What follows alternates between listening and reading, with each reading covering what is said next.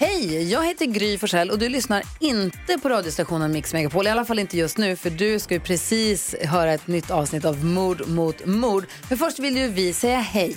Hej, hej, det här är NyhetsJonas. Det här är Carolina Widerström. Och här är gullige dansken. Ja, och så Gry då. Och det vi vill säga att när du har lyssnat klart på den här podden, då får du gärna lyssna på våran. Vi spelar in ett nytt avsnitt varje morgon av våra podd Kvartsamtal. Och hela radioprogrammet blir ju också en podd om man är väldigt morgontrött eller så. Just det, om man missar morgonen ja. Men mest av allt så får du gärna lyssna på programmet i direktsändning varje morgon på Mix Megapol. Live varje morgon från klockan sex och då har vi med oss massor med vänner också. Thomas Bodström, Babben Larsson, Johan Pettersson, Christian Luuk. Massor med coola människor som bara dyker upp och gör livet bättre. Ja, som jag, gullige dansken. Exakt så. Och så mycket bra musik och annat skoj såklart. Så vi hörs när du vaknar på Mix Megapol. Radioplay. Hej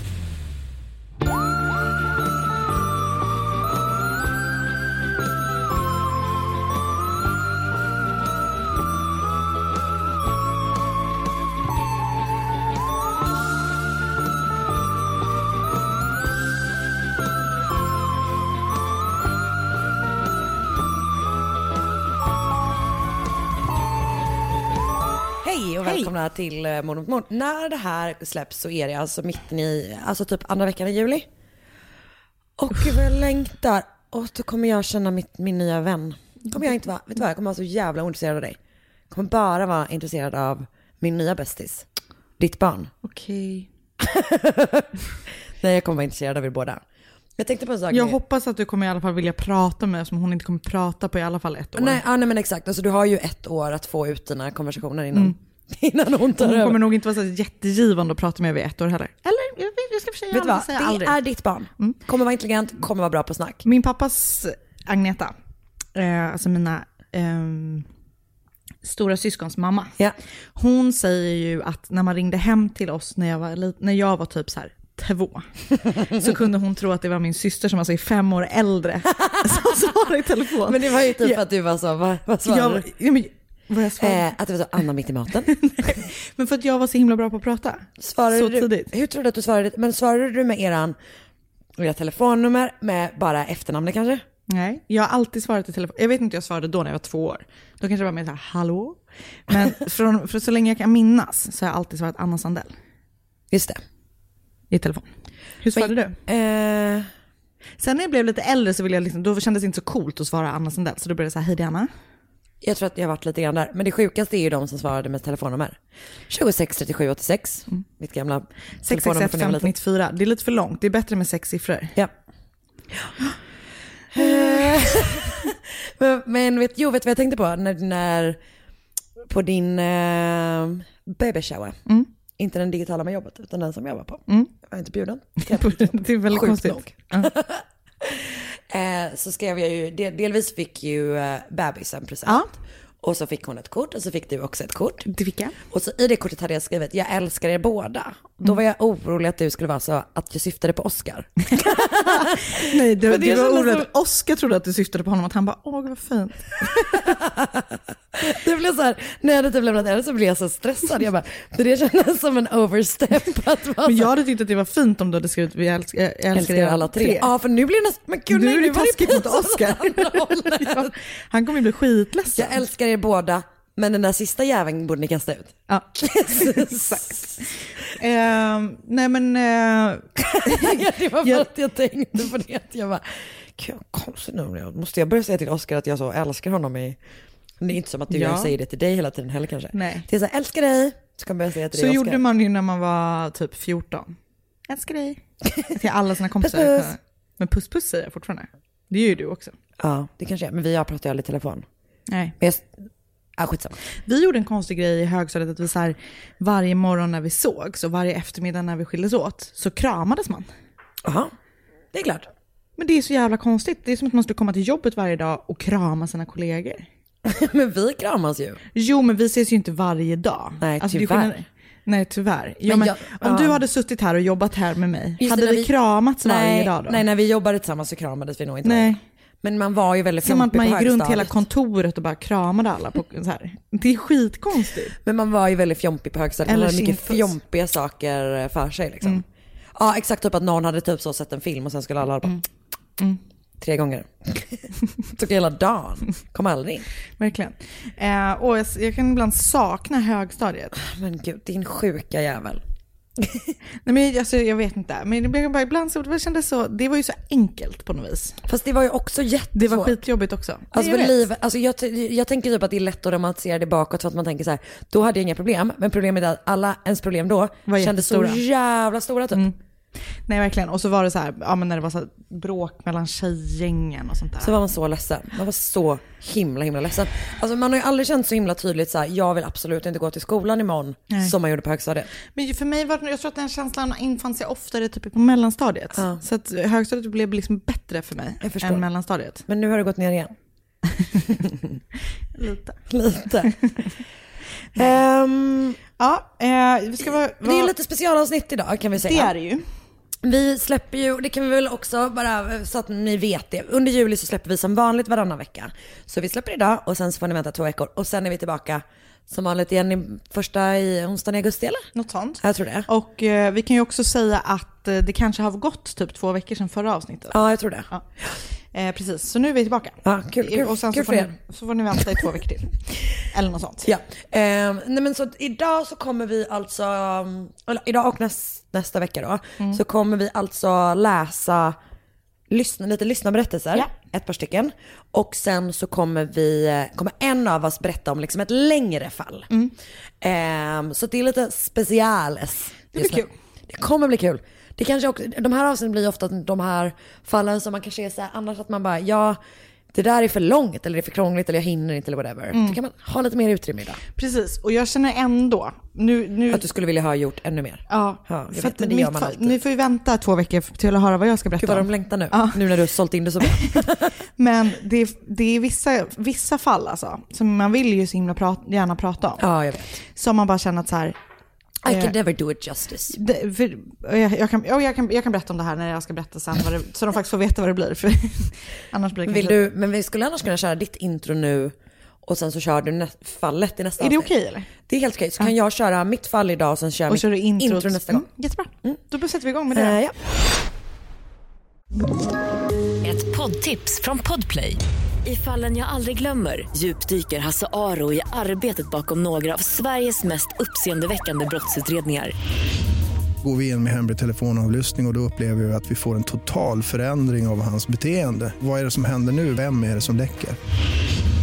Och så säger han att jag är kriminell, jag har varit kriminell i hela mitt liv men att mörda ett barn, där går min gräns.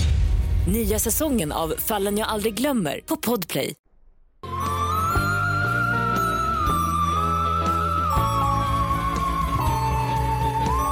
Ni har ju alltså skickat in historier till oss till våran eh, mordmotmord.gmail.com dit ni gärna får fortsätta mejla historier. Kommer det något riktigt juicy så kanske vi kör. Eh, vi har ju haft en person inne som har hjälpt oss att välja ut. För att vi skulle eh, kunna bli överraskade själva. Väldigt kul. Så att är, är det så att ni känner er besvikna på att ert eh, Så är det inte vårt fel. då är det inte vårt fel, utan då Väldigt är skönt. det Marcus som skulle imponeras på för att bli utvald. Eh, och ehm, du börjar va? Jag tänkte ta en ja. Härligt. Ehm, när jag var 16 var jag inbjuden till pojkvännens familj på grillfest. Det var rätt många barn och vuxna med. Så kom pojkvännens moster till festen med en ny kärlek. Oh oh. En trevlig kar som snabbt kom in i gemenskapen. Efter några timmar så nämndes det i förbifarten att han hade permission. Jaha, från vad då undrade jag och tänkte att det kanske var något militärt eller så. Från Kumlafängelset. Jag såg ut som ett frågetecken, så han förklarade att han satt inne för mord på en snubbe men att han snart skulle bli fri. Avslappnad. Jag visste inte hur jag skulle reagera utan nickade och log och gick snart från bordet. Övriga i sällskapet betedde sig som om han hade sagt att han var vaktmästare på en skola eller något. Alltså, vem fan tar med en mördare till familjer som har grillfest?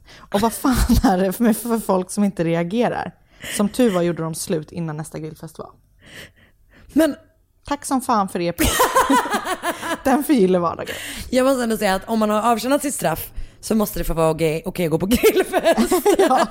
men, det är, men, men är inte det där någonting som man typ själv känner att, alltså du vet, när man själv blir typ intresserad av en historia så blir man ju så här, Berätta mer. berätta Du måste, mer, ja. berätta mer. Ehm, Och det är det sjukaste med folk som, är, som inte är sådana.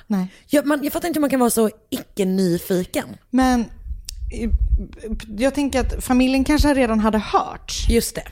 Just det, just det, det, här, just det, det var ju hennes pojkväns Ja, moster. exakt. Ja, gud det här var ju old news. De hade ju varit med under rättegången och stöttat.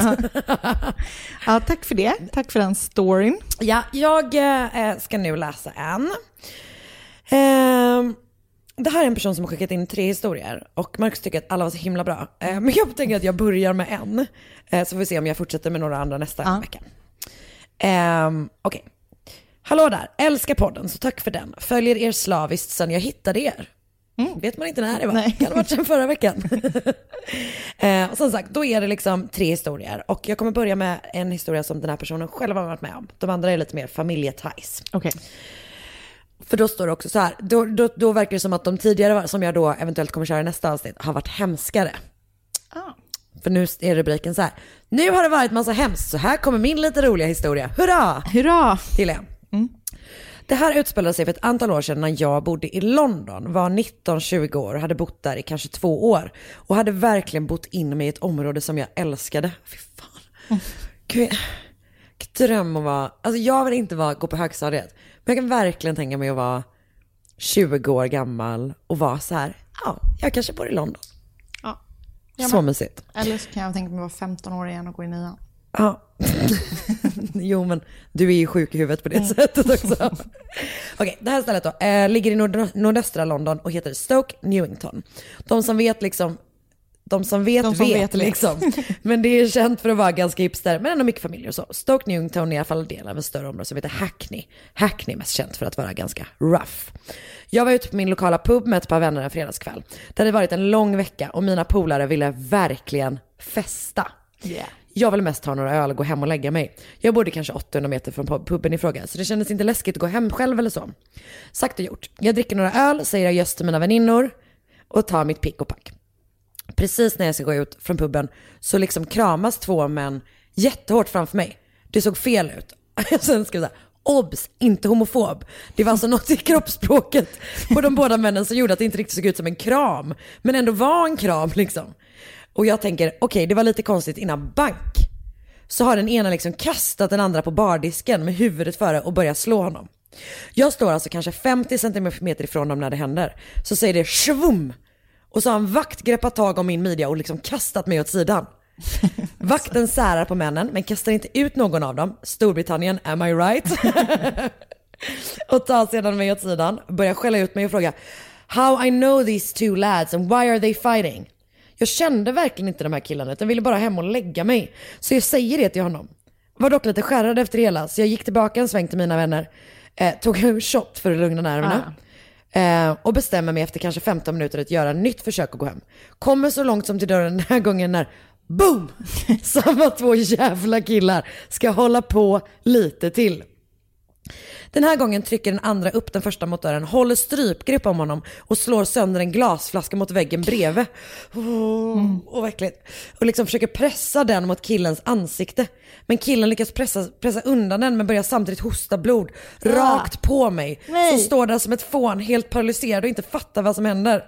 Än en gång kastar vakten mig åt sidan och separerar de två killarna från varandra och han skriker på mig att You said you didn't know these fucking lads. Jag, som inte är så sugen på att gå tillbaka för att lugna ner mig den här gången, kutar därifrån och ropar tillbaka I really, really don't know them. I'm sorry. Have a good evening sir. Gud vad sjukt. Äntligen ute från puben och börjar lugna ner mig. Går hemåt, men på vägen upp hör jag ett konstigt ljud på avstånd. Kommer närmare och, då, och ser då fyra jättestora muskulösa män, kanske 20 meter framför mig, som står och bryter upp en bankomat. Två av dem håller span och ser mig. De andra två bankar och slår med tillhyggen på bankomaten. Jag är en liten tjej på 160 centimeter och är rätt spinkig. Så jag känner bara sån sjuk ångest när jag inser vad de gör och att de har sett mig. Nej. Kommer ihåg då, eh, kommer ihåg att då tänkte jag att, att jag inte kunde gå över till andra sidan gatan för att de redan hade sett mig, att det skulle se mer ut som att jag skulle tjalla om jag tog avstånd från dem. Hade tänkt exakt samma Ja, sak måste jag säga. det. Eh, vilket jag nu tycker är superkorkat. För det är klart att jag kunde kunnat gå över dit. Jag vågade i alla fall inte det, utan bestämmer mig istället för att ta min coolaste street creddigaste look i gångstil och ansikte. med klackar och business cash klänning. och försöker liksom signalera med hela mitt väsen att jag verkligen inte är en sån som tjallar. Så jag går förbi killarna, de tittar på mig. Jag går liksom genom deras lilla grupp med en kille på varje sida. Så får jag den konstigaste impulsen jag fått i hela mitt liv. Och bestämmer mig för att cool-nicka till dem. Så jag nickar lite hälsande med huvudet och de nickar tillbaks. Och så fortsätter jag gå hem. Vågar inte titta bakåt på hela vägen för jag, är, för jag är så rädd att de ska tycka att jag ser ut som en golare. Låser alla lås på dörren den kvällen, går och lägger mig så himla trött. Allt jag velat senaste timmen var att få, få på mig ett par goa pyjamasbyxor, kolla lite Netflix och däcka liksom. Ringde inte polisen, så jag var faktiskt ingen golare till mitt försvar. Bra, golare inga polare. Det var från Sofia. Snälla, jag ska ta ut vår paj. Ja! Eh, Anna är ju inne i sitt nya bakande ske- skede och oh, nu är det dags. Eh, och bakar alltså just nu en eh, rabarberpaj som luktar, det får mig att känna mig som att det är juli. Alltså förstår du vad jag menar? Det luktar jättegott. Det luktar det luktar, ja det gör det. Men det är också så att vi ska äta alltså rabarberpaj och dricka fläderblomsdryck. Otroligt. Otroligt. Blir du varm? Jag är fortfarande gravid, fast inte när podden kommer. Hoppas Äh, det- hoppas Nej, vi. Då är du inte det. Då är jag inte det. Nej. Okej, en story från mig då. Hallojs! Satt och lyssnade på eran podd och hörde att ni ville ha lyssnarberättelser och kände att jag var tvungen att berätta om vad som hände mig och vad som fick mig att vilja flytta från min lägenhet så fort som bara möjligt. Jag bor i en etta med balkong på våning, på andra våning. Tre trappor upp. Okej? Okej. Men det är ingen mattekluring. Eller är det det? Eller är det det? Hur många trappsteg har trappa ett om? Ehm, och ifrån min balkong ser man hela mitt allrum där jag had, har... Jag, jag älskar när man bor i en etta och har ett allrum. Ja, det är, Ja, det är allt, det. här är allt, allt mitt rum.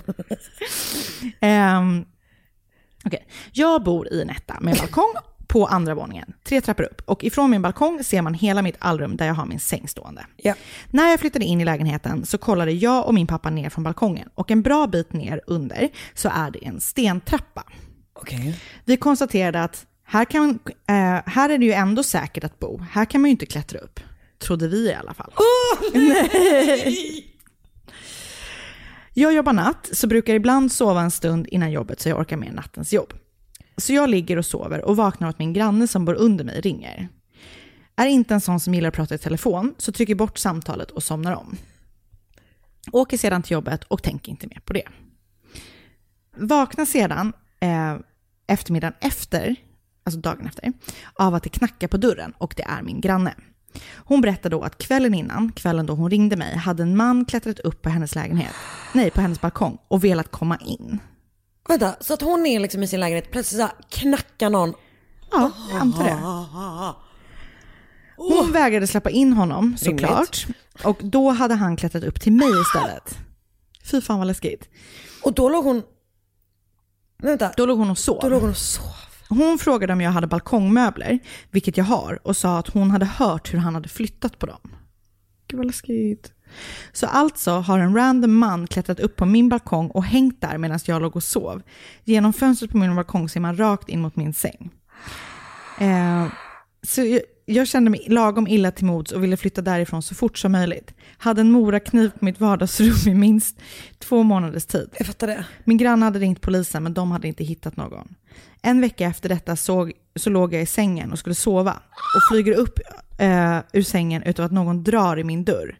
Sprang till dörren, kollade i titthålet men såg ingen. Vart ingen sömn den natten. Men nu ska jag äntligen flytta till en lägenhet högst upp utan balkong. Tack för en fantastisk podd från Ida.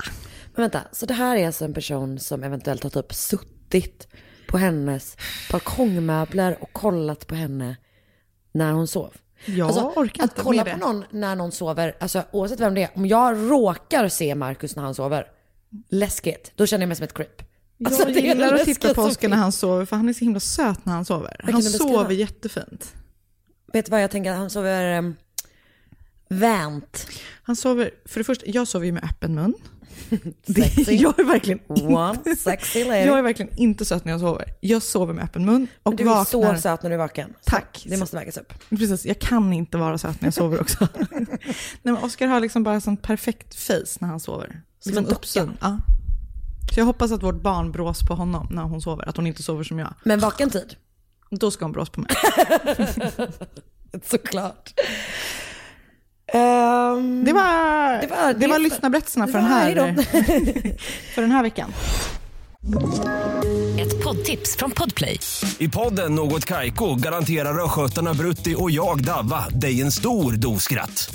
Där följer jag pladask för köttätandet igen. Man är lite som en jävla vampyr. Man har fått lite blodsmak och då måste man ha mer. Udda spaningar, fängslande anekdoter och en och annan arg rant. Jag måste ha mitt kaffe på morgonen för annars är jag ingen trevlig människa. Då är du ingen trevlig människa, punkt. Något Kaiko, hör du på Podplay. Därför är gardinerna.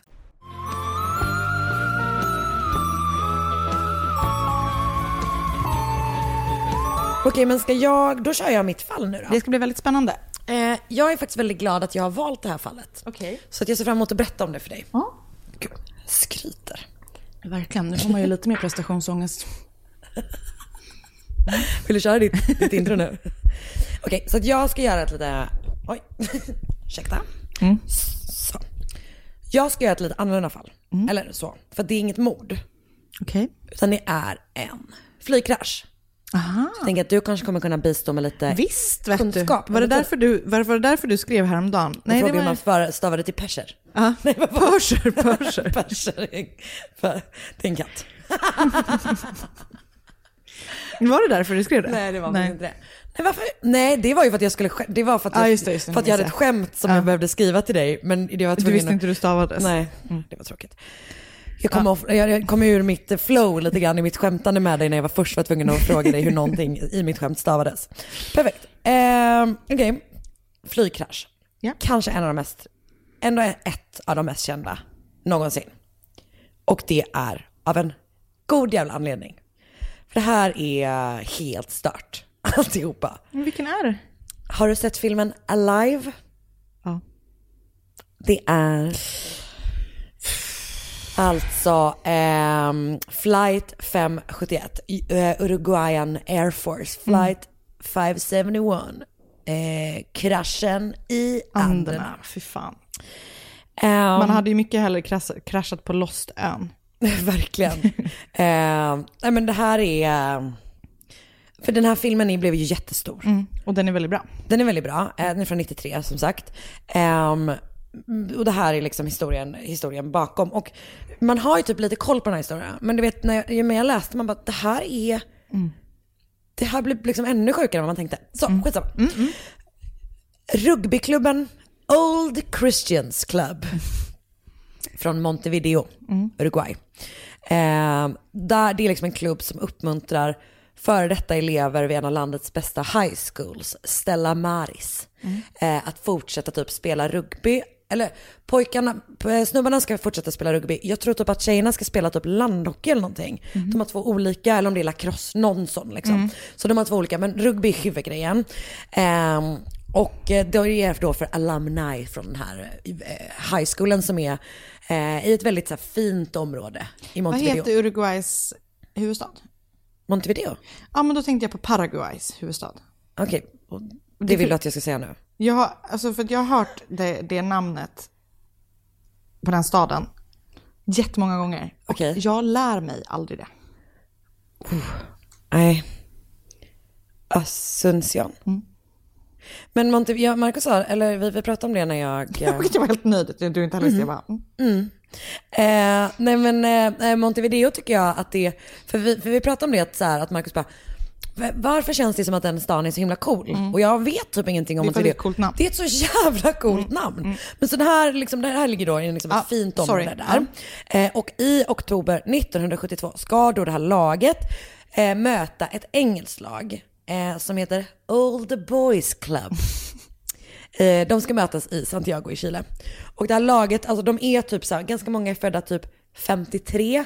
Alltså de är mellan typ 19 och kanske 23 någonting, de flesta. Sådär.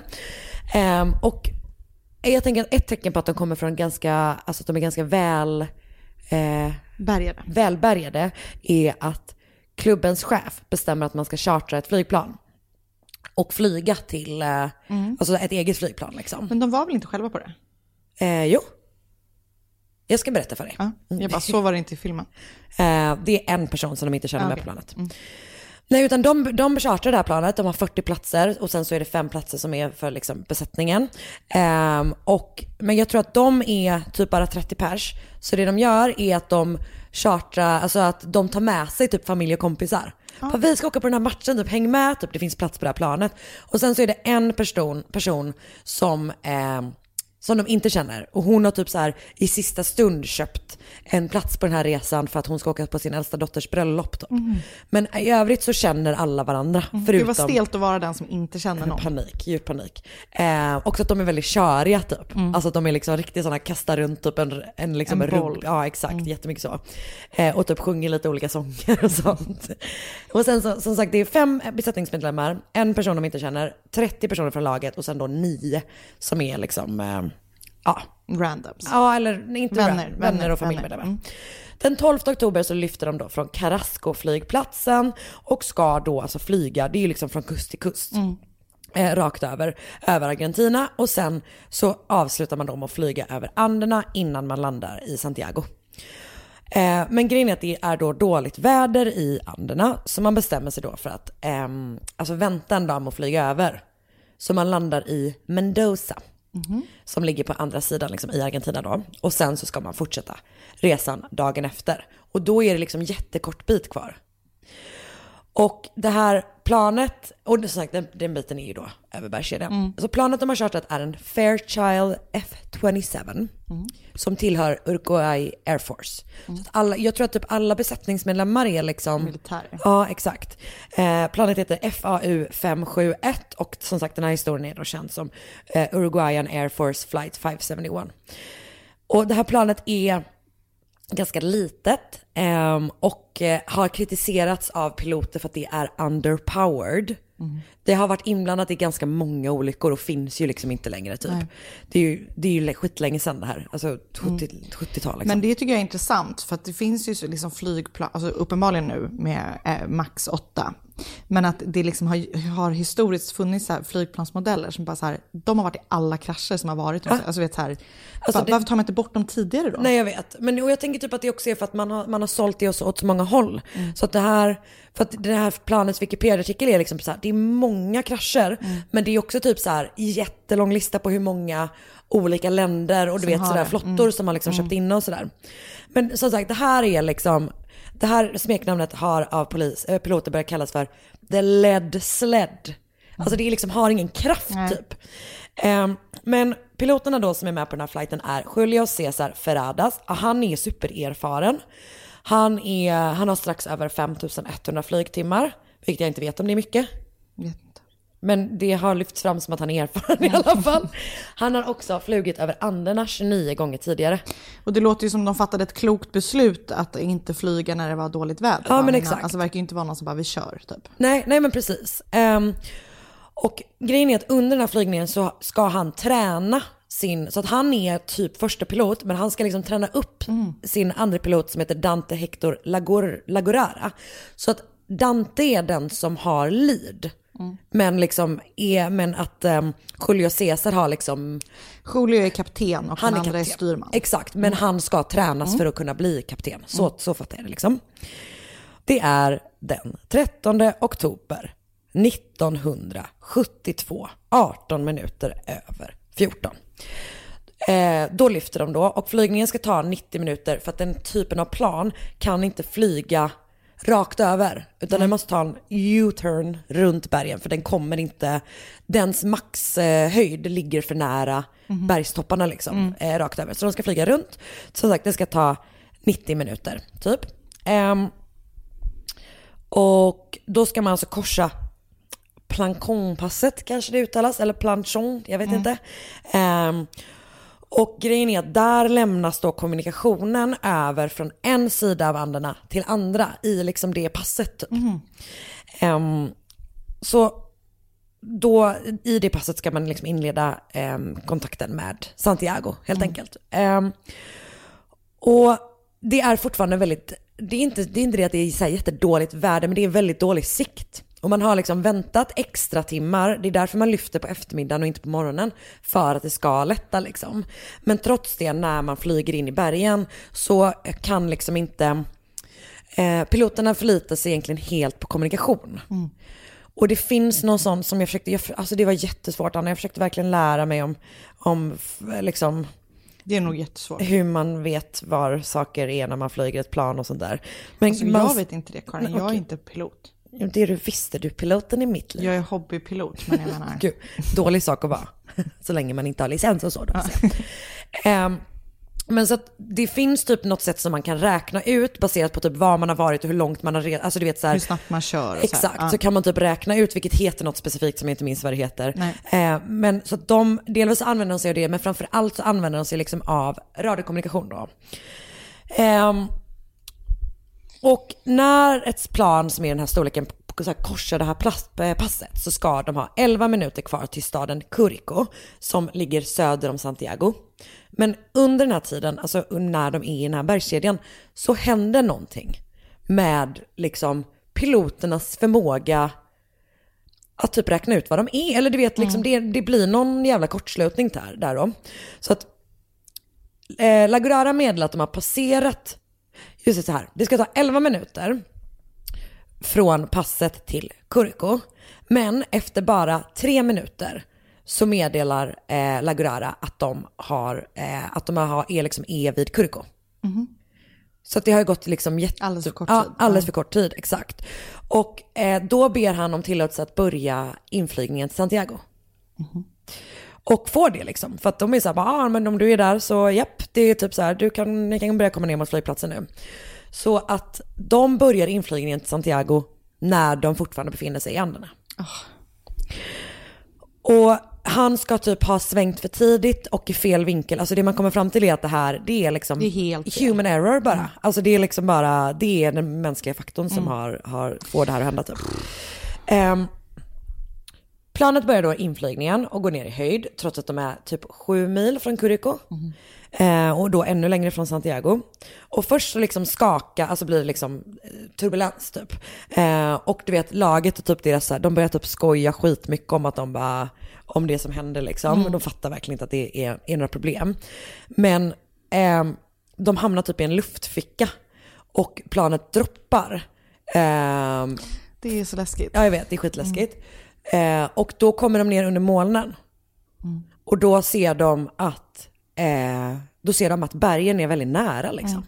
Och att de är så här, vad fan är det typ som händer liksom?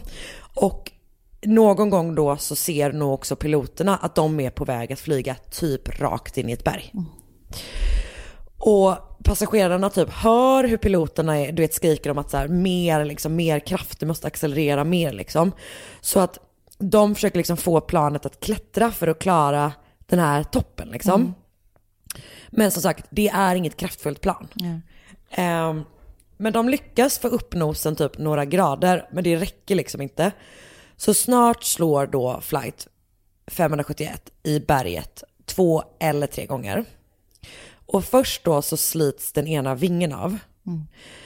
Och sen den andra. Eh, och när det händer, alltså när den andra vingen slits av, så eh, skär alltså propellen från den vingen i flygplanskroppen. Vilket gör att eh, den bakersta delen, vad heter Svansen? Stjärten. Svansen. Eh, den, alltså, det, det, liksom det, den försvinner helt enkelt. Den lossnar från resten. Och där sitter då tre passagerare. Det är så sjukt, alltså det är så jävla obehagligt. Ja, Jag vet, det är så fruktansvärt jävla Mm. läskigt. Allt med det här är jätteläskigt verkligen. Eh, så det, de två bakersta raderna sugs liksom ut. Mm. Och där sitter då eh, tre passagerare och två eh, från liksom planets crew. Mm. Samtliga kastas ut och de heter då Ramon Salvo Martinez, Orvido Ram, eh, Ramirez, eh, Gaston Costemay, Alejo Honi och Guido Magri. Och du vet de som är kvar i det här jävla planet, du vet, håller sig fast, flera svungar, slungas liksom framåt i flygplanskroppen typ. Och de, de, är, de, det här är, de är katoliker typ, de kommer från en kristen skola, så man hör liksom bara, du vet ett mässande, Mm. exakt. Ehm, och planet rör sig alltså fortfarande uppåt, vilket också är så jävla sjukt typ. Och det gör att två passagerare tillsugs ut ur bakre delen av planet och de heter Daniel Shaw och eh, Carlos Valletta. Och Carlos, alltså ser dem, överlever. Han landar, börjar gå ner, men sjunker ner i eh, snön. Fan. Och dör nog antagligen av typ kvävning liksom. För att det är ju, alltså det här det är liksom glaciär. Eh, där de är typ. Ehm, planet landar till slut liksom på mage. Och börjar alltså åka som en fucking släde ner för det här berget. 350 kilometer i timmen, 700 meter. Liksom ner i en dal. Och, och till slut så stannar det då på en glaciär mellan Chile och Argentina. På ungefär 3570 meter över havet. Och det enda som finns är liksom snö och berg. Det är det enda överhuvudtaget. Ehm, fronten av planet har då liksom tagit, tagit liksom väldigt stor smäll. smäll när det här har hänt. De beskriver det typ som att det var liksom ihopkrycklat som typ en papper, liksom plastmugg typ. Ehm, och Julio Cesar Ferradas dör då direkt. Men det gör inte Dante Hector Lagrara, alltså andra piloten. Men han är superklämd och extremt svårt skadad och hänger liksom halvvägs ut från planet. Och sitter fast där och är så här, du vet, ropar till en passagerare bara, kan du ge mig min pistol? Då jag vill bara skjuta mig själv, liksom. Ge mig min pistol. Men de är så här bara, nej, det tänker vi inte göra. Jag antar att de fortfarande har en tanke om att så här, det, vi kommer kunna rädda honom. bli Liksom. För det tänker jag att man automatiskt har. Om man landar, alltså om man, om man, krasch, om man överlever en krasch på, på mark. Eller Då på man ju, land. det här tänk- kommer lösa sig. Ja. Gud ja. Och det finns Och jag, ju, ja. ja, säg. Jag tänker alltid att om jag måste krascha så vill jag gärna göra det på dagen. Därför gillar jag inte nattflighter för att det känns mycket läskigare att krascha på natten. Japp, håller helt med. Alltså, det är helt irrationellt för att det är väl, man dör, har, du har väl lika stor risk att dö på dagen som på natten. Men Jo men, men det det, är något om att som är typ att man så här, får mer kontroll när det är ljust. Liksom. Ja men om man ser vart man är Mm. och man liksom, och man även, man andra har större chans att se med, också ja. liksom. Aj. Men rädsla är ju heller inte, alltså, whatever floats your ångest boat liksom. Verkligen. Okej. Eh, ytterligare fyra har då dött direkt av den här smällen. Det är lagets läkare Francisco Nicola och hans fru Ester plus en mamma till en av spelarna som heter Eugenia Parado och eh, Fernando Vasquez som pluggade till läkare.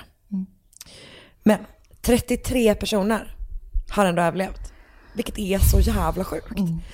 Och många är förstås liksom väldigt, väldigt svårt skadade. Alltså säten har liksom lossnat från, från eh, marken och alltså fl- liksom flugit runt i typ flygplanskroppen. Alltså de beskriver det som att så här, de, har liksom, de har fallit ner och typ krossat folk som suttit bakom. Eh, det beskrivs bland annat, alltså, någon beskriver det som att det är som att, eh, alltså som att eh, sätena har dragits ihop som ett dragspel. Att det liksom är helt sammanpressat typ. Och ganska många har liksom brutna ben och huvudskador. Men samtidigt är liksom, det, det finns typ ett gäng läkarstudenter med. Ehm, och de, när de börjar liksom undersöka folk så är de typ ändå fascinerade över hur bra folk ändå verkar må typ. Vilket jag också tänker att det måste ju vara för att de alltså, gled istället för att köra rakt in Ja. och liksom falla handlöst upp. Ja. Det är så jävla sjukt. Men, och hela den här historien är liksom en helt, det sjuka med den är att man är så här, hur kan de överleva? Hur kan de här människorna Mm. finnas typ? Ehm, vilket jag tänker är varför vi är intresserade av eh, överlevarhistorier i allmänhet. Att man Ja. är så här, hur kan Hur en går- människa hur- ja. klara det här? Typ? Det. Och det, hela den här historien är verkligen sån. Så let's do it. Ehm, så de börjar liksom så lägga, lägga om sår, du vet ta hand om skadade och sådär. Man börjar också då bära ut döda. Och så lägger man dem utanför i snön.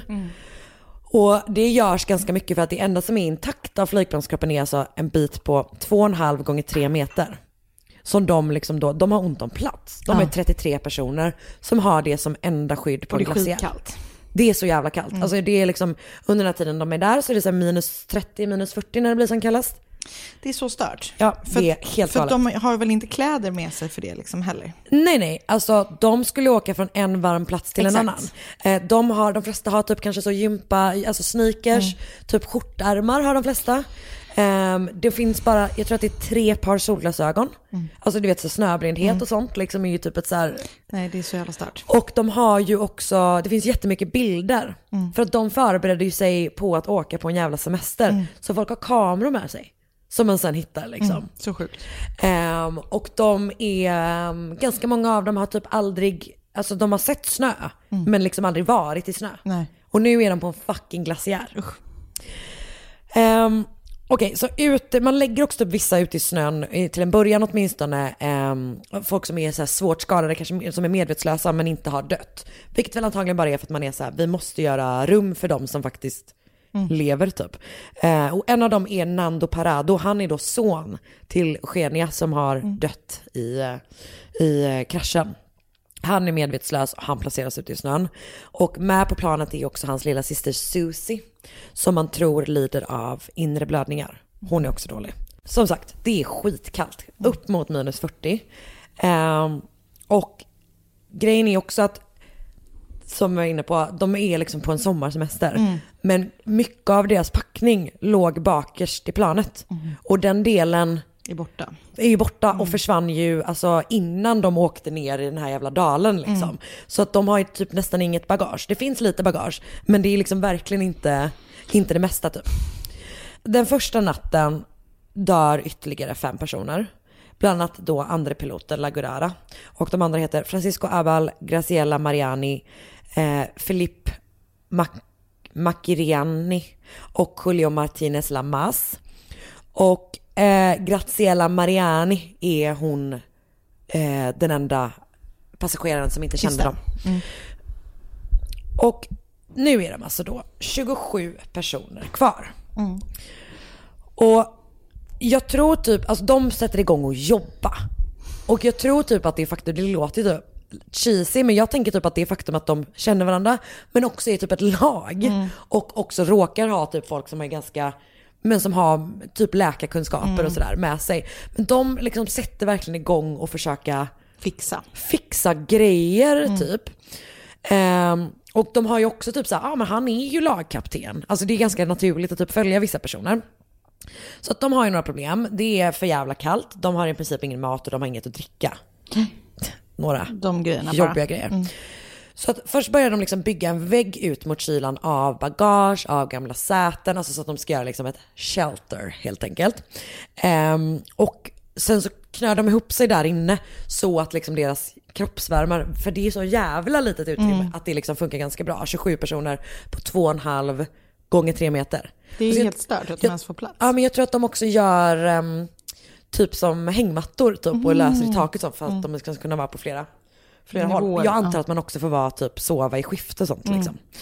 Ehm, de försöker äta snö, för de är då jättetörstiga, och de försöker äta snö för att liksom få i sig vätska. Men det gör ju att, alltså snön kyler ju ner dem inifrån. Så att de försöker ha- få upp värmen hela tiden och sen blir de törstiga och så äter de snö och så kyls de ner inifrån. Och dessutom så är ju liksom läppar och sånt och mun blir ju så sjukt torrt och kallt och sårigt. Så att det gör ont liksom när de försöker få i sig det här. Men då är det en snubbe va? Kommer på att han, du vet för de, håller- de håller på att kolla så jävla mycket på vad som finns typ i deras omgivning. Då är det en snubbe som skär upp sätena och inser typ att det finns som, eh, typ som en aluminiumbit på baksidan av sätena. Och en så här solig morgon så, så kommer han på att om jag viker de här på någon vänster och sen så lägger jag snö som får liksom lite i taget som får smälta på de här som rinner sen ner i, de har liksom lite tomma burkar och lite tomma flaskor och sånt. Så har de liksom vatten. Och sen så börjar de, får de liksom dricka pytte, lite vatten åt gången typ. Så då har de ändå löst så här, ah, okej, nu, kan vi, nu har vi lite, lite dricka liksom. Ehm, han heter Fito Strauch. Han gör också solglasögon. Av typ visir från, så här, från, liksom från cockpit på något vänster. Så att folk inte ska bli snöblinda. Så bra. Alltså, Jag är så, jag hade så jävla lite gjort sånt där. Alltså, du och jag hade ju tyvärr inte blivit så långvariga där. Du och jag började ju prata om hur vi skulle, vad vi skulle göra om vi var med i Fångarna på fortet. Ja, Det var ju inte många det var inte så många vi celler vi kunde. klara av. Okej, ehm, ja han gör det då alltså av det här visiret och ett bh-band som han Mm. liksom gör solglasögon av. Typ. Pretty cool ska jag säga. De ser lite ut som sådana house douche eh, Ah. DJ Mm. solglasögon. typ. Okej, de har väldigt, väldigt lite mat. För att den här flighten var ju så himla kort. Så det var ju inte planerat att de skulle få, alltså bli serverade en Nej, nej. måltid liksom. Så att det här är det enda som finns i den här delen av flygplanet då. Åtta chokladkakor, tre små burkar sylt, en burk mandlar, lite godis, lite så chokladdoppade nötter typ. Mm. Ett par dadlar, några torkade plommon, ett par flaskor vin och en burk med musslor. Vilken jättekonstig liksom, blandning av grejer också. Av snacks. Mm. Mm. Men du vet ju det när man flyger på väg till sin rugbyturnering ha och är lite sugen på musslor. musslor. Men också att det var ett par dadlar. Menar du att det var två stycken dadlar? Ja, em, herr och fru. Herre fru Daddel, kan ni flytta? Åh gud, vår framtida barnbok, herr och fru Daddel. Gud vad roligt. Eh, Okej, förlåt. Okej. De inser då att de måste liksom börja ransonera hårt som fan för annars kommer de typ dö av hunger om en kvart. Mm. Men det jag har så himla svårt att fatta är just det här hur man fortsätter hålla ihop. Att ingen är så här i hemlighet äter herr och fru Daddel typ. Fan vad jag hade varit den som hade behövt Det göra hade du inte. Nej, Nej men jag hade, hade verkligen velat. velat. Vet du vad du hade gjort? Du hade försökt få med dig någon annan. Jag, jag hade varit så här, men hörni, alltså på riktigt, vi kan inte inte äta det här. Jag hade börjat med att köra med den. Vi vet inte hur länge vi kommer vara här, vi måste ju, jag är hungrig nu. Verkligen, jag måste, jag måste veta nu om vi ska äta herr och fru Daddel sen. Exakt. Men jag hade, inte gjort, jag hade inte gjort det helt själv. Nej, hade Nej, inte du gjort. hade inte varit en sån Nej. som du vet kollar upp med choklad runt hela munnen. Du bara, jag har godisstopp. Men alltså, jag bara, en liten instickare med det, så kollade jag på ett konto på Instagram som heter Sveriges roligaste barn. Ah. Gud, du var- har skaffat dig sån mammahumor. Men alltså, jag, jag började faktiskt skratta jättemycket åt ett klipp där det är en pojke, pojke som står alltså, och äter ur en eh, smetskål. Ja. Så kommer mamman och bara, men du fick ju inte äta. Han bara, jag har inte det. Och så har han alltså choklad runt hela och samtidigt som de pratar så han bara, jag har inte det. Äter han samtidigt. Men det går inte. Det var ju kul. Det är kul när du är sån på det här planet. Alla bara, vad fan. Okej, Okej. förlåt. Ja. Usch, jag vill inte ha sån tråkig mammahumor, men jag har uppenbarligen det. Jag längtar att se din, till att se din humor försämras dag för dag.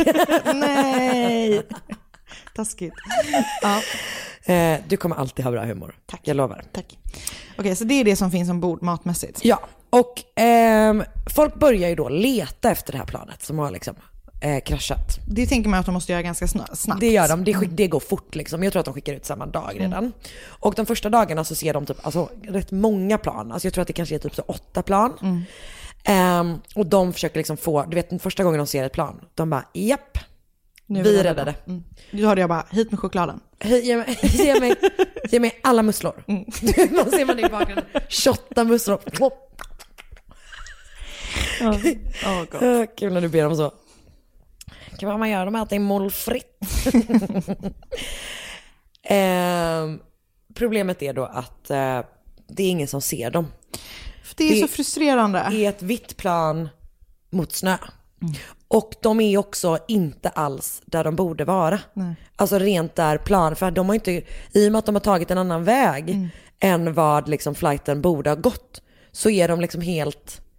Ja. Bortkollrade. Så de hittar alltså läppstift i en väska och börjar skriva SOS på taket på planet. Men får liksom slut på smink typ. Så att de är så här, okej, eh, vad fan, du vet det åker plan över men ingen, ingen ser dem. Da- Dag tre, det är alltså den 16 oktober, så vaknar Nando Parado ur sin koma. Och han känner mot sitt huvud och är så här, "Åh, okej, jag känner blod, här är lite av ett jack typ. Sen bara, oj. Min, eh, mitt skallben verkar vara krossat. Alltså du vet att han typ, att han inser att han liksom trycker bitar av sitt skallben typ mot sin hjärna. Fan, undrar hur det känns. Ja, jag vet, det är så jävla äckligt. Alltså, det är en av de äckligaste sakerna. verkligen vidrigt. Och låt mig aldrig upptäcka hur det känns. Han fattar absolut ingenting såklart liksom. Och snart får han då syn på sin kompis Roberto. Och han är så här, han bara, fan du har varit medvetslös i tre dagar. Vi trodde aldrig du skulle vakna. Och sen berättar han då att Nandos mamma Eugenia dog i kraschen. Och att hans lilla syster Susan, eller Susie, är jättedålig. Och att de liksom inte kan göra någonting för att hjälpa henne. Så han försöker typ hålla henne varm. Det är typ det han kan göra, liksom. att han typ lägger sig bredvid henne eh, och bara håller om henne. Och det hjälper inte, utan till slut den 21 oktober, alltså dag nio, Det är så, så jävla dör länge. Susie. Ja, jag vet. Och en av lagmedlemmarna, som sagt de är fan crafty alltså, han lyckas få igång radion. Ehm, och, för han bygger typ en skitlång eh, antenn. Eller någonting. De får då in de frekvenser som de som letar efter dem eh, använder sig av.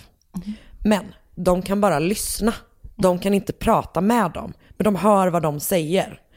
Och den elfte dagen på det här berget så hör de då hur meddelandet går ut att de ska avbryta sökinsatsen. Det är sån ångest. Och att de, de bara, vi får nog räkna med att alla är döda. Vi åker tillbaka och hämtar kropparna i vår istället. Och de är så här, du vet det är, alla är liksom helt bara, för jag tänker att man måste ha fått sån glädje när man fick igång radio. Man bara yes, typ, nu kommer det lösa sig. Och sen är det en sån total jävla vändning. Och sån jävla ångest. Men då är det typ en av dem som säger så här, okej men bra, då vet vi. Och de är så här, bara, vad, vad menar du? Typ, bara, då vet vi att om vi ska ta oss ur det här så måste vi göra, då är det bara oss vi som kan göra det. ja. Det är ingen annan som kommer komma och hämta oss. Vi måste sluta räkna med det.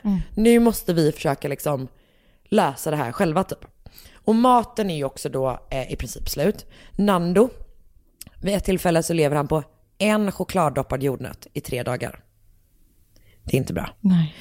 Ehm, och som sagt, de måste ha mat. Men det finns ju inga djur och det finns inga växter på, liksom, i, på hela, den här, den, hela den här platsen. Eh, de försöker alltså äta skor. Skär, skärp, alltså de skär upp eh, sätena för att de typ hoppas att det är så halm i dem som de ska kunna tugga på, men så är det typ skumgummi. De äter alltså hårvax och typ Alltså så liksom skönhetsprodukter för att de är liksom så jävla jävla desperata. Det finns ingenting. Och till slut då så står de inför det här fruktansvärda beslutet som kommer göra att de liksom eh, får ganska mycket skit efter det här. De kommer behöva börja äta sina döda medpassagerare. Och de har ju sagt lagt alla sina döda liksom ute i, i snön då, eh, liksom lite så nedgrävda. Och det är antagligen också, det verkar som att de har gjort det för att de tänker att så här, då kan man ta med sig dem därifrån sen, liksom, när, när vi blir räddade så, så har vi samlat alla, alla här liksom. Ehm, så att de har då ett möte inne i den här flygplanskroppen och bestämmer sig för att så här, det här är det enda sättet vi kan klara oss ur det här. Ehm, och de är ju som sagt väldigt, alltså väldigt kristna typ. Nu är det här ett, ett tabu som finns ändå. Men, men de har typ en ångest så här om hur Gud ska straffa dem i nästa liv. Ehm, men vid ett senare tillfälle så är det någon som är så här, ja men eh, nattvarden är ju Jesu kropp typ. Alltså, Ja. De, det, de gör ju helt enkelt det som De det behöver de göras. Och, ja. och i början så är typ vissa är liksom, det är inte alla som, som äter och eh, invänder väldigt mycket. Någon försöker äta men typ kräks, alltså du vet liksom Mm. så. Men det- jag har så himla himla svårt att förstå varför de fick skit för det här. Eller så här, det är ju det enda rimliga att göra. Mm. Det är ju fruktansvärt och det är ett sånt jävla tabu. Men vad fan. Vad skulle de ha gjort annorlunda? Vad skulle de ha nej, gjort? Nej, jag vet. Alltså det enda de har kunnat göra är att lägga sig bredvid dem och dö. Nej. Och, och, och, nej, jag håller helt med. Det är ju det enda rimliga att Ja, göra. Men så får man väl tänka att då de som har blivit ätna av, att deras familj känner att deras efterlevande, eller att deras Självklart, har blivit men- skändad och sådär. Men man hade ju förstått det. Ja, och grejen är att ofta... Det var så- inte så att de dödade någon, utan de... Nej, nej, nej, nej, exakt. Mm. Och grejen är att ganska ofta så är ju typ deras familjer med. Alltså det är ju Mm. det som är så jävla hemskt med. Att de känner ju de här människorna. Ja, Det är så jävla obehagligt. Ja, det är så fruktansvärt obehagligt. Ehm, så just när man tror typ att så här, det här kan inte bli så jävla mycket värre. Eh, de har insett att de inte kommer bli räddade. De måste äta sina, sina kamrater. Eh, så blir det då dag 17. Då de drabbas av en lavin. Och den begraver alltså planet liksom en meter under snön och liksom det kommer ju snö in i flygplanskroppen med. Så att folk börjar kvävas där inne. Man får ingen luft liksom. Och Nando lyckas typ slå hål på taket för att få in, få in luft liksom.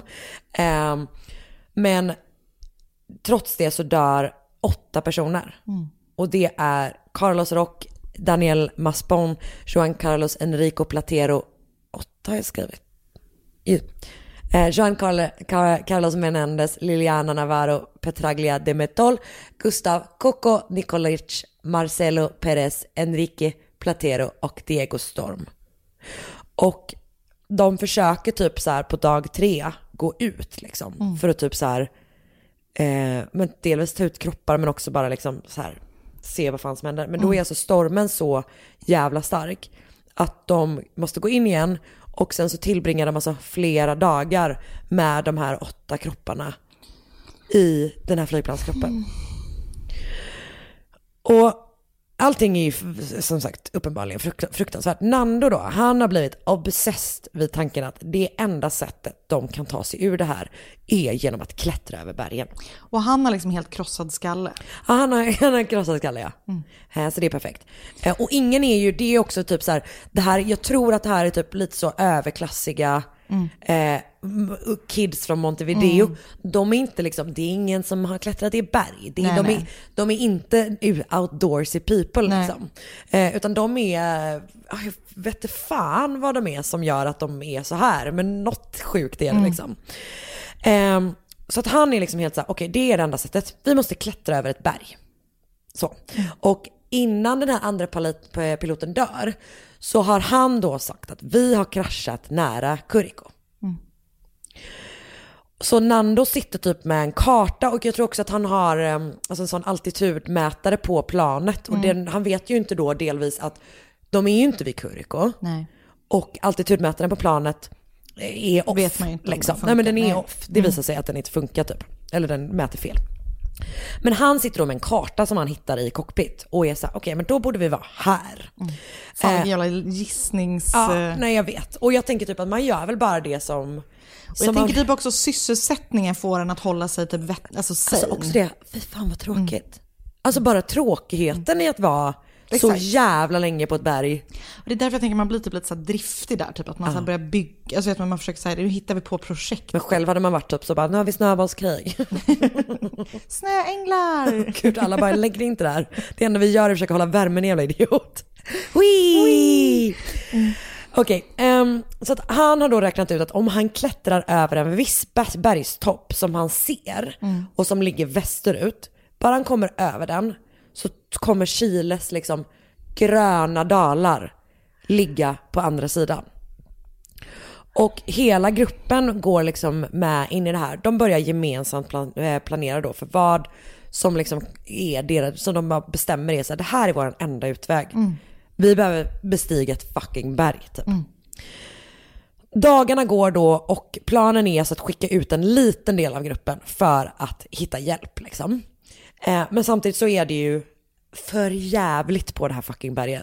Alltså de svälter, de har frostskador, folk har ju liksom brutna ben. Eh, och så här skallskador som sagt liksom. De utsätts ju också, alltså det är ju extremt syrefattig luft. Eh, så bara det är ju liksom sån sjuk påfrestning på kroppen typ.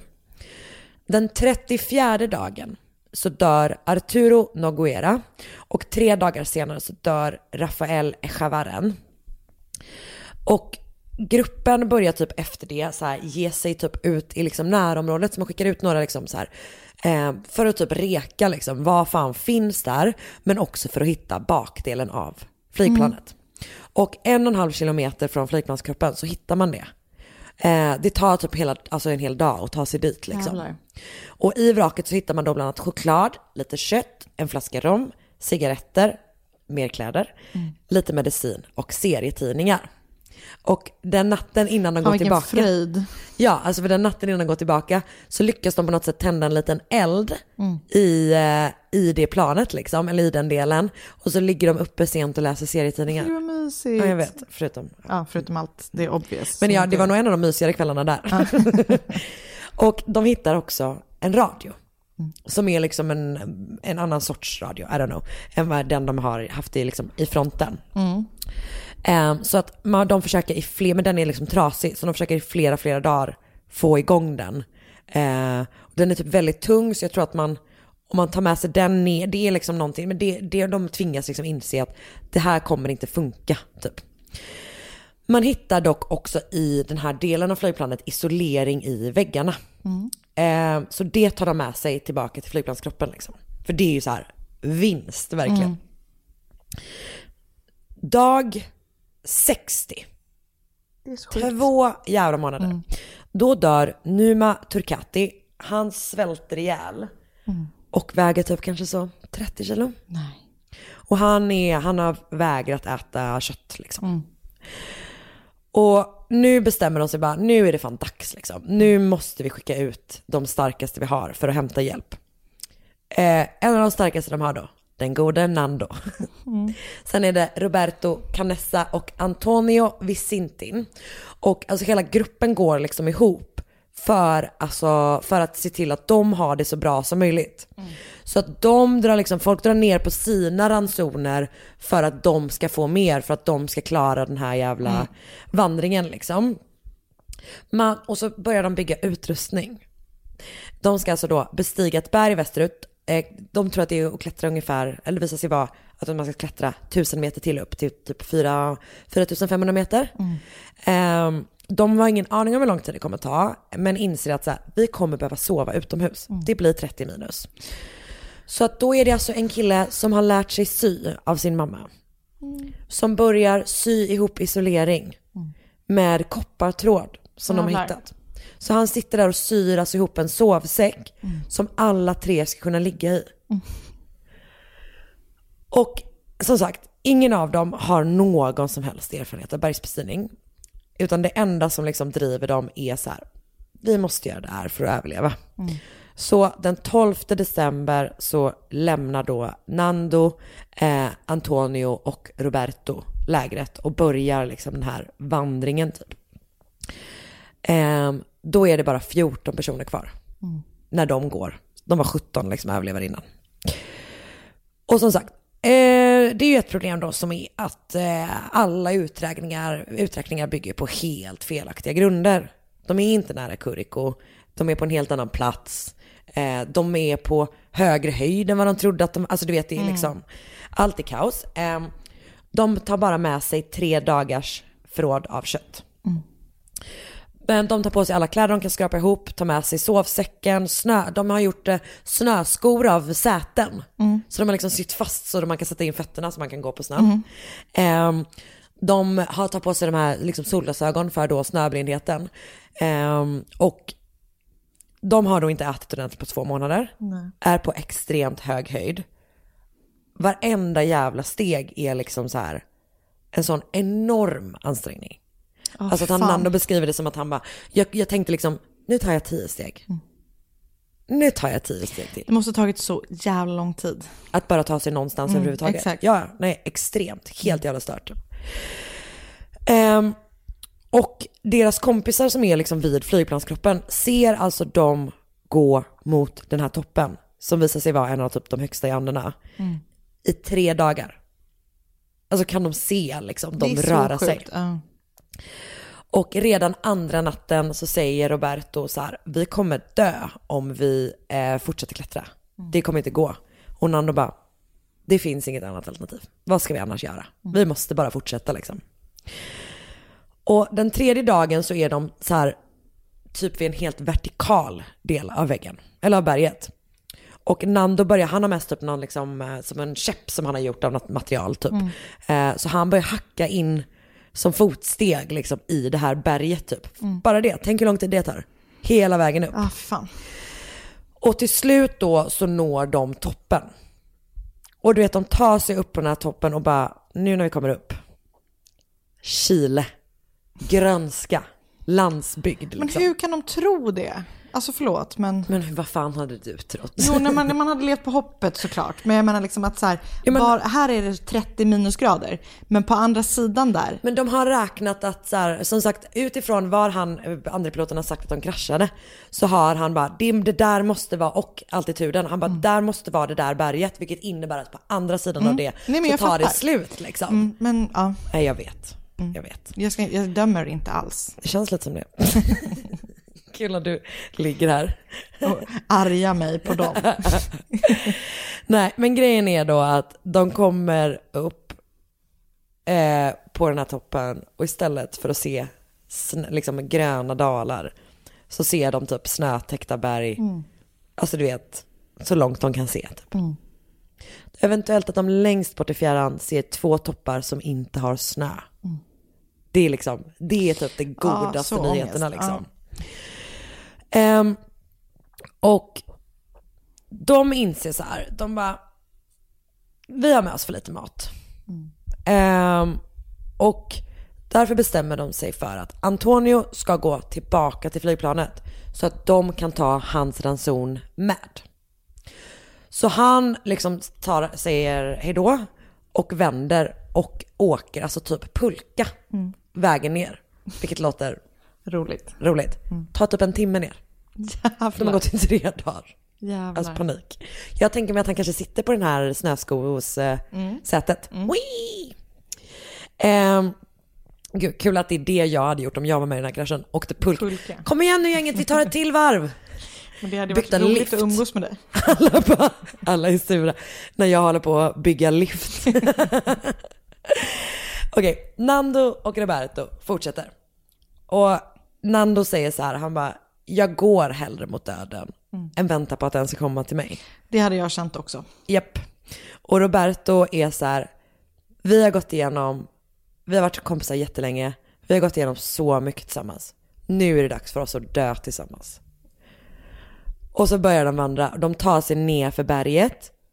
Och du vet, det är ju svårt. Det är ju svårare än vad det var att gå upp liksom. Att de är, beskriver det som att så, varenda steg känns som en fälla typ. Det kan när som helst liksom, kan, man, kan saker lossna och man kan, man kan falla liksom. Och eh, Nando börjar tänka så här, vad fan gör jag om Roberto typ skadar sig? Ska jag bära honom eller ska jag lämna honom där? Alltså du vet att man liksom börjar förbereda sig på den typen av grejer. Typ. Den 18 december, de har alltså gått i sex dagar. För de kommer ner och då går de i en dalgång, den är fortfarande snötäckt liksom. Men de följer den liksom. Och när de har gått sex dagar så hör de liksom svagt rinnande vatten. Och de är så här, vi måste följa den. För det kommer leda oss ut härifrån liksom. Och till slut så kommer de ut liksom i ett område där de lämnar snön. Vilket i mitt huvud så är det här bara, du vet, eh, när vita häxans kraft håller på att svagna, blir svagare i Narnia. Så ser jag det verkligen. Men det är nog så det ser ut ungefär. Jag tänker det. Ehm, så att de liksom kommer över då i annan terräng och de börjar också se svaga tecken på liksom mänskligt liv. De kanske typ ser så här att någon har kampat först, eller du vet så. Och till slut så ser de kor. Och de har liksom sagt gått Hade man druckit mjölk direkt ur spenan? Fy fan vad äckligt, förlåt. Men alltså typ att man hade gjort det för att man var så hungrig. kan du säga något? Kan du bekräfta? Jag bara fick en sån bild av hur du börjar liksom suga av en kossa det första du gör. Det är inte det jag gör Karin, jag dricker direkt ur Det ser spenan. lite grann ut så.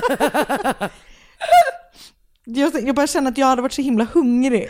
Ja, ja. Nej, jag, alltså jag förstår varför du hade gjort det. Jag säger bara att det är Det är också för att jag är lite hungrig fan nu. vad stelt när i den här berättelsen man bara, och sen så går de rakt fram till kossorna och börjar... Okej, fortsätt. Okej. Ehm, två dagar tillgår. Vi är, alltså det har alltså gått åtta dagar. Jag fattar inte hur de här människorna lever. Alltså jag kan inte förstå det. Nej. Roberto är, mår riktigt pissigt. Nando däremot, krossskada, mår kanon. Han verkar ju vara någon sån Nej, men riktig jag fattar inte vem han... övermänniska. Nej men det är helt stört liksom.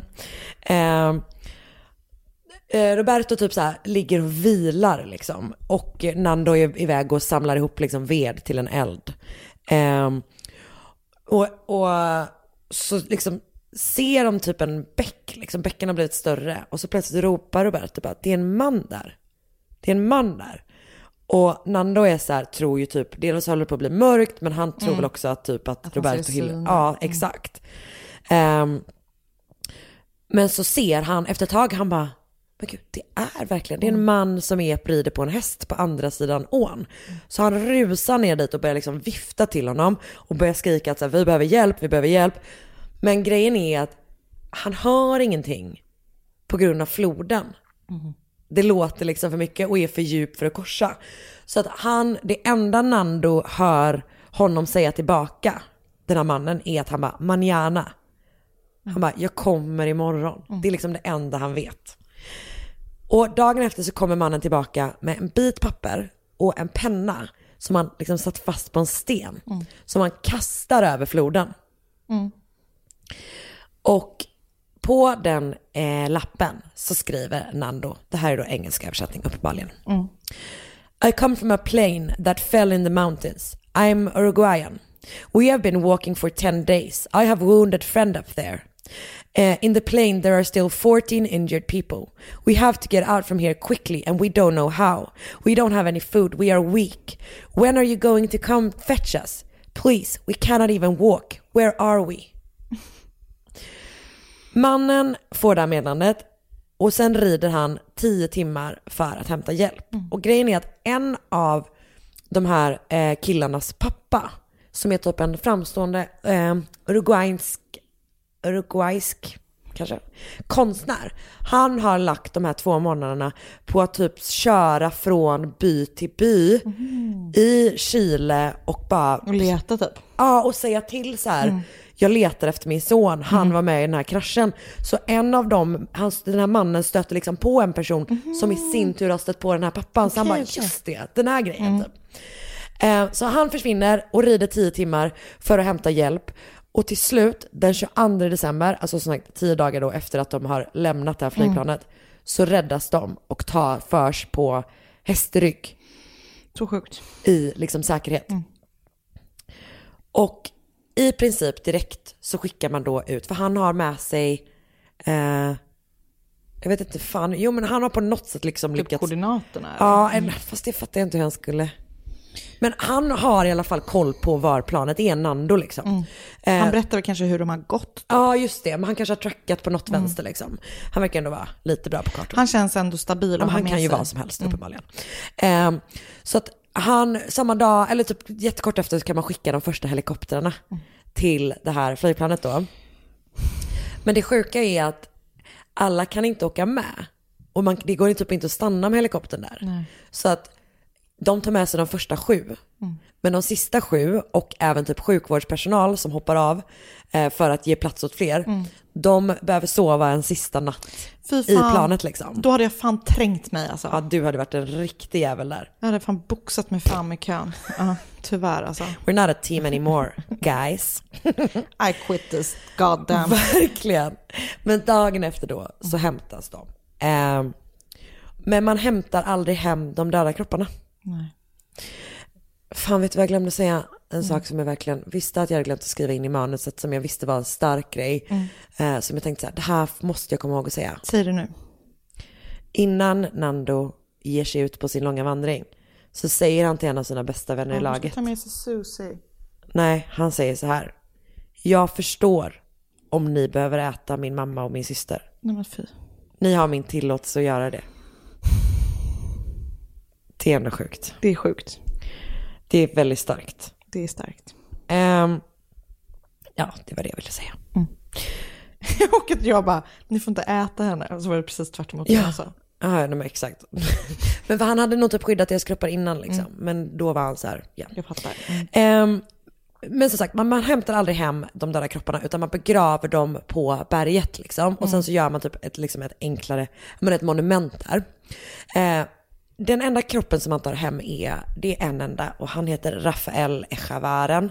Och hans pappa får då höra från en annan överlevande att så här, din son ville bli gravid, eh, Han ville inte bli gravid. Kanske han också ville, det vet jag inte. Okej. Han ville bli begravd hemma. Okej.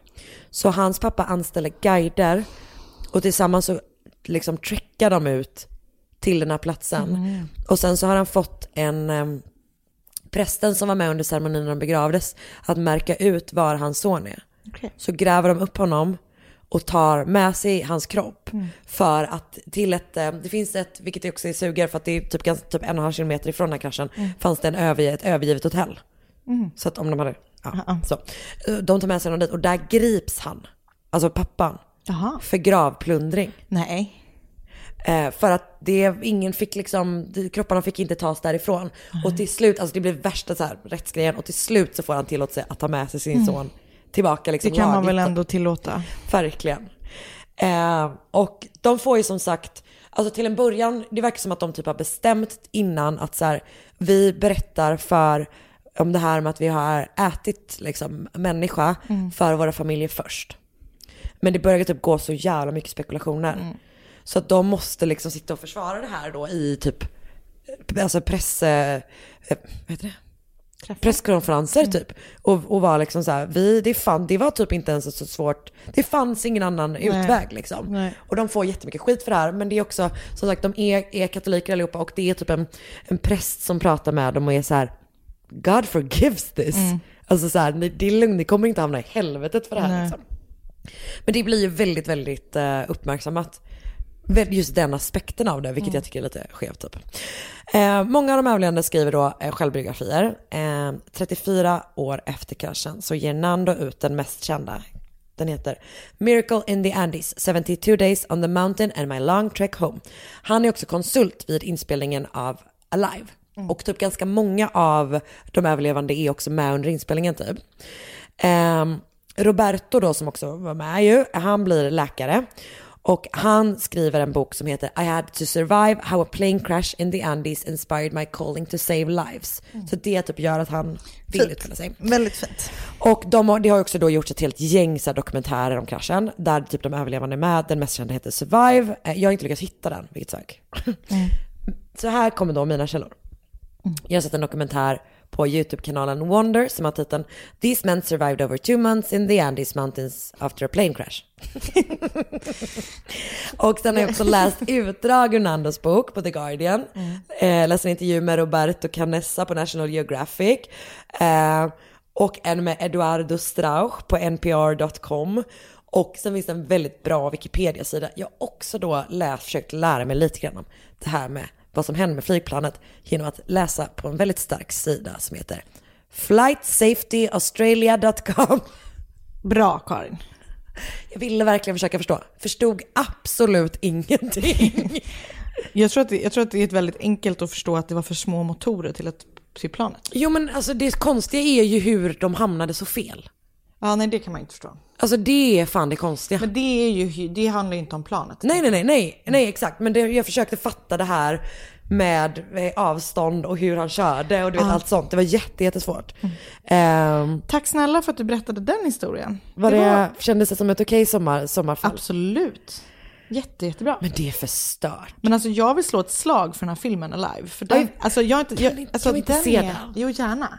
För den är, alltså den är gjord 93. Ah. Jag, nu är det några år sedan jag såg den, men inte så många år sedan. För den, går ju på tv Ja, det titt känns som en riktig sån som går på tv. Och Vet den känner att man- håller. Man, har känt att man har en bild av att de så kastar bollarna inne på planet Ja. innan. Den känner man väldigt tydligt. Men det finns också, jag ska visa dig, det finns alltså riktigt, eh, det finns starka bilder. det finns också bilder från precis innan de kraschar typ. När de typ bara hänger. Alltså du vet, de är bara ett sånt grabbgäng. Som liksom håller på med någon joxa med trasan. Okej. 72 dagar. Mm, det är så stört. Själv hade man gett upp efter, En. ska vi se, två? Kanske två. Om vi... Vad- Men på den här podden ger vi inte upp efter två dagar. Nu Nej. har vi hållit på med i två och ett halvt år. Fuck. Typ. Det är tredje sommaren. Mm, så stört. Tredje sommaren som ni firar med oss och vi med er. Eh, vi hoppas att ni har en jätte, jättebra sommar. Vi hoppas att ni önskar fall på, eh, ett på Instagram, um, inte randomly utan då till Anna av Anna. Att Sandra Anna, jag heter att Karin Londre där. Eh, gå med i vår Facebookgrupp. Precis. Och om ni inte har köpt eh, merch. merch så gör det på podstore.se. Ja, för vad jag vet vad jag verkligen tänker. Visst vill man ha delvis nu, plast, eh, tygpåse, väldigt bra nu med plastskatten. Behöver man ha en, en som håller lite längre. Men också stranden. Ja. Stranden, en härlig mod mot Ja, ja, ja. Köp. Så, så fint. Ehm, så hörs vi igen om två veckor. Då ska vi. Anna berätta både intro och fall. Ja. Mm. Hej! Ett poddtips från Podplay. I podden Något Kaiko garanterar östgötarna Brutti och jag, Davva, dig en stor dos skratt. Där följer jag pladask för köttätandet igen. Man är lite som en jävla vampyr. Man har fått lite blodsmak och då måste man ha mer. Udda spaningar, fängslande anekdoter och en och annan arg rant. Jag måste ha mitt kaffe på morgonen för annars är jag ingen trevlig människa. Då är du ingen trevlig människa, punkt. Något Kaiko, hör du på Podplay. Därför är gardinerna.